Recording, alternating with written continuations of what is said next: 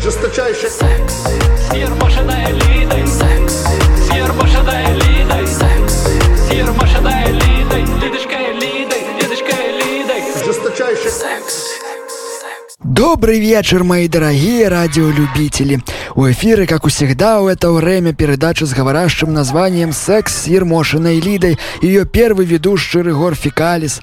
У нашей передачи мы знакомимся с новостями уходящей недели и цитатами крепких хозяйственников из страны, победившей стабильности. Как у всегда, наши информационные партнеры, поставщики самых честных и проверенных новостей – это телеграм-канал президентской газеты «Советская Белоруссия» и авторитетнейшее информационное агентство «Панорама», сайт panorama.pub. Александр Лукашенко эвакуировал из Кабула 1500 афганцев. Операцией командовал он лично. С 1 сентября зарплаты учителям начали выдавать металлическими монетами. Как курить веник, фабрика Неман нашла отечественную замену сырью из ЕС, запасов которого осталось еще аж на три месяца. Гродненская область испытывает острую нехватку непьющих казаков для ведения уроков по духовно-патриотическому воспитанию. Талибан пообещал помочь белорусской армии современной экипировкой и оружием. Активистов БРСМ отправят помешать квартиры и дома крестьян, имеющих излишки зерна. Надежда Катковец раскритиковала хаотический вывод войск США из Афганистана. «Кто ж так выводит?» – вопросила она. С 1 сентября все школы Минска перешли под ведомство МВД. Школьникам присвоили звание, и учиться они будут до 45 лет. Правительство Беларуси сняло ограничения на потребление в пищу озерного камыша. Наталья Качанова рассказала про властному митрополиту Вениамину, что у окопах атеистов не бывает, а Лукашенко предложил отправить у всех мужчин в армию, чтобы они понюхали порох. Но об остальных событиях уходящей недели подробнее далее в программе. Сказочно. Я батя. Я батя. Ты, я, мы, батя. Я, мы, батя. Я батя. Я батя. Ты, я, мы, батя. Я, мы, батя. Мы красавцы. Печальные новости снова у стране орудуют террористы. Боевики из банды Сосновского схватили у плен Илью Багена, который пытался пересечь границу Беларуси с Литвой. Четырежды предатель пытался вывести из страны 900 гигабайт паролей от Wi-Fi и мешок зерна. Утром выпил. День свободы. Кстати, о зерне министр по делам поросят опроверг клевету нехватки зерна в стране. Он посоветовал белорусам бороться с пищевой зависимостью и по возможности затянуть пояса потуже. Вместе с тем, вице-премьер Субботин также сделал заявление об урожае у Беларуси. «Мы не будем голодать, и животные наши не будут голодать тоже.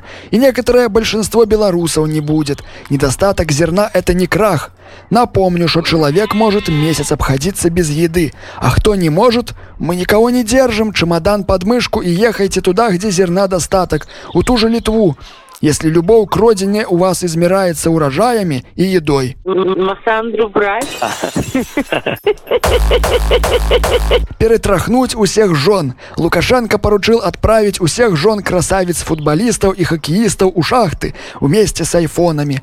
Также готовится президентский декрет о запрете спортсменам жениться на красавицах, выбирая для супружеских мероприятий идеологически здоровых государственных женщин.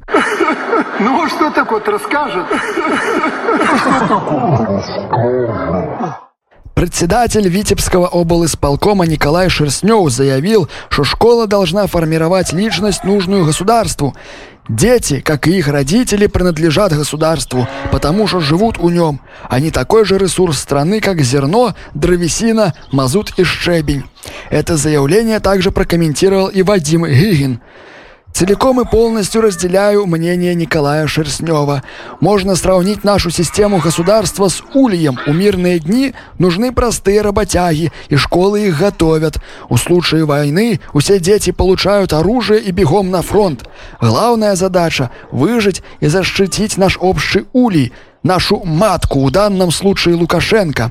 В свою очередь государству Улью требуются и безоговорочно преданные системе трутни, которые оплодотворяют королеву-матку, в данном контексте Лукашенко, актуальными идеями и концепциями. Такая система просуществует века или даже тысячелетия. Утром выпил. День свободы.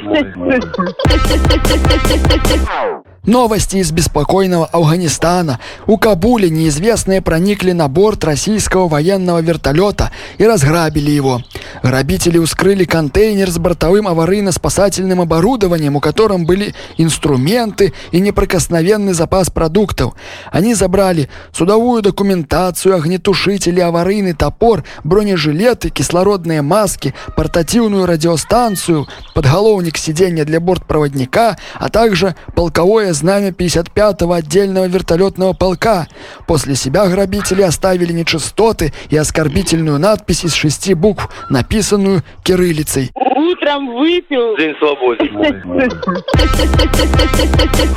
Министерство образования опубликовало методические рекомендации по организации ежедневной церемонии подъема и спуска флага у школах.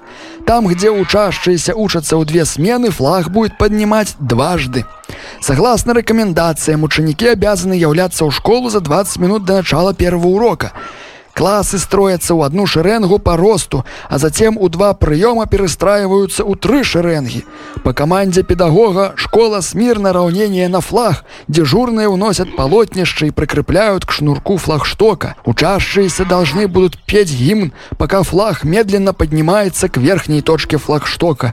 Спуск флага осуществляется после последнего урока. Воспитание патриотизма – самая первейшая задача школы. Мы выделили субсидию на установку флагштоков. У срок до 17 сентября все должно быть готово, иначе директоров ждут санкции, сообщили в Министерстве образования. Пока не во всех школах установлены флагштоки, ученики будут репетировать церемонию без подъема флага, но с хоровым исполнением гимна. Минобр отдельно отмечает, что ученики, у которых занятия начинаются не с первого урока, обязаны, тем не менее, быть на построении. Те, у кого уроки заканчиваются раньше, должны дождаться спуска флага и только тогда уйти домой. Зимой при температуре ниже минус 25 градусов с разрешения местных властей гимн можно будет исполнять не полностью, а только первый куплет и припев. Массандру брать. К новостям космоса. У экипаж космического корабля «Союз МС-21», который отправится к Международной космической станции в апреле 2022 года, войдут два российских цирковых артиста – клоун и жонглер. Инициатива отправить циркачей на МКС принадлежит лично Дмитрию Рогозину. Как сообщают источники в Роскосмосе, против этого даже не стал возражать руководитель пилотируемых программ Роскосмоса Сергей Крыкалев, очевидно опасаясь неприятностей, которые постигли его из-за несогласия с отправкой у космос кинематографистов. Для трансляции цирковых представлений с орбиты Дмитрий Рогозин уже создал во всех видеохостингах каналы Russian Space Circus. Мы снова будем первые у космосе. Никто еще не устраивал цирк на орбите. Клоун будет показывать всякие смешные сценки, жонглер жонглировать. Клоуны у цирке смешно падают, а у космосе падать-то некуда. Это же будет уморительно. А жонгляж у космосе. Этого тоже никто никогда не делал. У моих каналов будут миллиарды просмотров, рассказал Дмитрий Рогозин. Однако опыты по жонглированию на орбите все же были. В 1985 году советский космонавт Владимир Дженебеков жонглировал на орбитальной станции «Салют-7» болтами и отвертками, в результате чего он открыл так называемый эффект Дженебекова, который демонстрирует справедливость рада законов классической механики, описанных еще в 18 веке Леонардом Эйлером.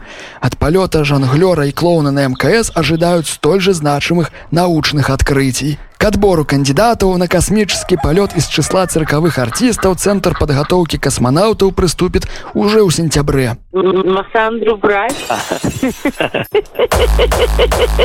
Ну и закончим наш сегодняшний эфир новостями культуры. Краснопресненский районный суд приговорил гражданина ФРГ Тиля Линдемана к исправительным работам по обвинению в плагиате хита Аркадия Укупника. Отбывать наказание музыкант будет в качестве бэк-вокалиста группы Любе.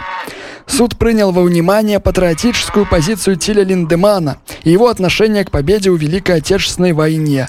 Также причиной столь мягкого наказания стало ходатайство лидера группы Любэй Николая Расторгуева. Ему очень понравилось, как Линдеман исполнил песню «Любимый город», и он бы хотел спеть с ним дуэтом и другие советские шлягеры, такие как «Катюша», «Потому что мы пилоты», ну и его собственный «Комбат», а также песню «Не думая о секундах свысока». Согласно решению суда, немецкий музыкант будет обязан давать не менее двух выступлений в неделю на безвозмездной основе. Я рад, что все так легко обошлось. У России это нормальная практика, так что удивляться этому не стоит, хотя, конечно, для меня это стресс. С Николаем мы наверняка сработаемся. Он меня учит прекрасным русским словам, которых я раньше не знал. Никогда бы не подумал, что в вашем языке так много разных слов, не считая матерных, рассказал Тиль Линдеман. Вот такие вот дела, дорогие мои. С укупником шутки плохи, да. А от ответственности, как говорится, не уйдет никто. Ну а я с вами, к сожалению, вынужден попрощаться. До новых встреч, мои дорогие. Жесточайший Секс